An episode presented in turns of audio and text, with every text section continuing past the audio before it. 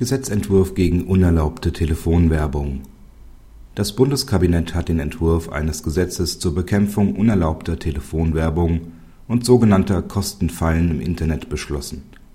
Das Gesetz solle die Verbraucher schützen und gleichzeitig einen reibungslosen Warenabsatz über das Telefon oder das Internet ermöglichen, sagte Bundesjustizministerin Zypries. Verbraucher könnten sich künftig leichter von Verträgen lösen, die sie am Telefon abgeschlossen hätten Unseriöse Firmen, die sich über das bestehende Verbot unerlaubter Telefonwerbung hinwegsetzten, müssten damit rechnen, mit empfindlichen Geldbußen belegt zu werden. Um der schwarzen Schafe der Branche besser habhaft zu werden, dürfe außerdem bei Werbeanrufen künftig die Rufnummer nicht mehr unterdrückt werden. Bei Verstößen drohten ebenfalls Geldbußen.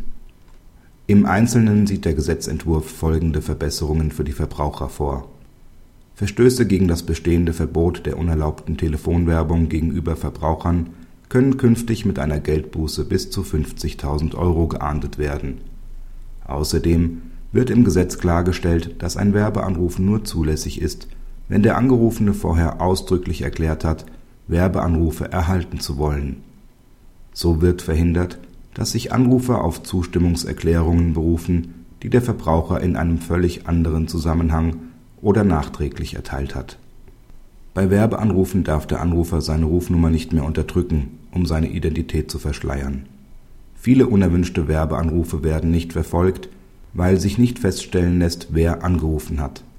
Die Unternehmen machen in der Regel von der Möglichkeit Gebrauch, ihre Rufnummer zu unterdrücken. Ein entsprechendes Verbot soll im Telekommunikationsgesetz vorgesehen werden. Bei Verstößen gegen das Verbot der Rufnummernunterdrückung droht eine Geldbuße bis zu 10.000 Euro. Verbraucher bekommen mehr Möglichkeiten, Verträge zu widerrufen, die sie am Telefon abgeschlossen haben. Verträge über die Lieferung von Zeitungen, Zeitschriften und Illustrierten sowie über Wett- und Lotteriedienstleistungen können künftig widerrufen werden, so wie es heute schon bei allen anderen Verträgen möglich ist, die Verbraucher am Telefon abgeschlossen haben. Hier wird unerlaubte Telefonwerbung besonders häufig genutzt um Verbraucher zu einem Vertragsabschluss zu bewegen. Bislang gibt es hier kein Widerrufsrecht. Diese Ausnahmen sollen beseitigt werden.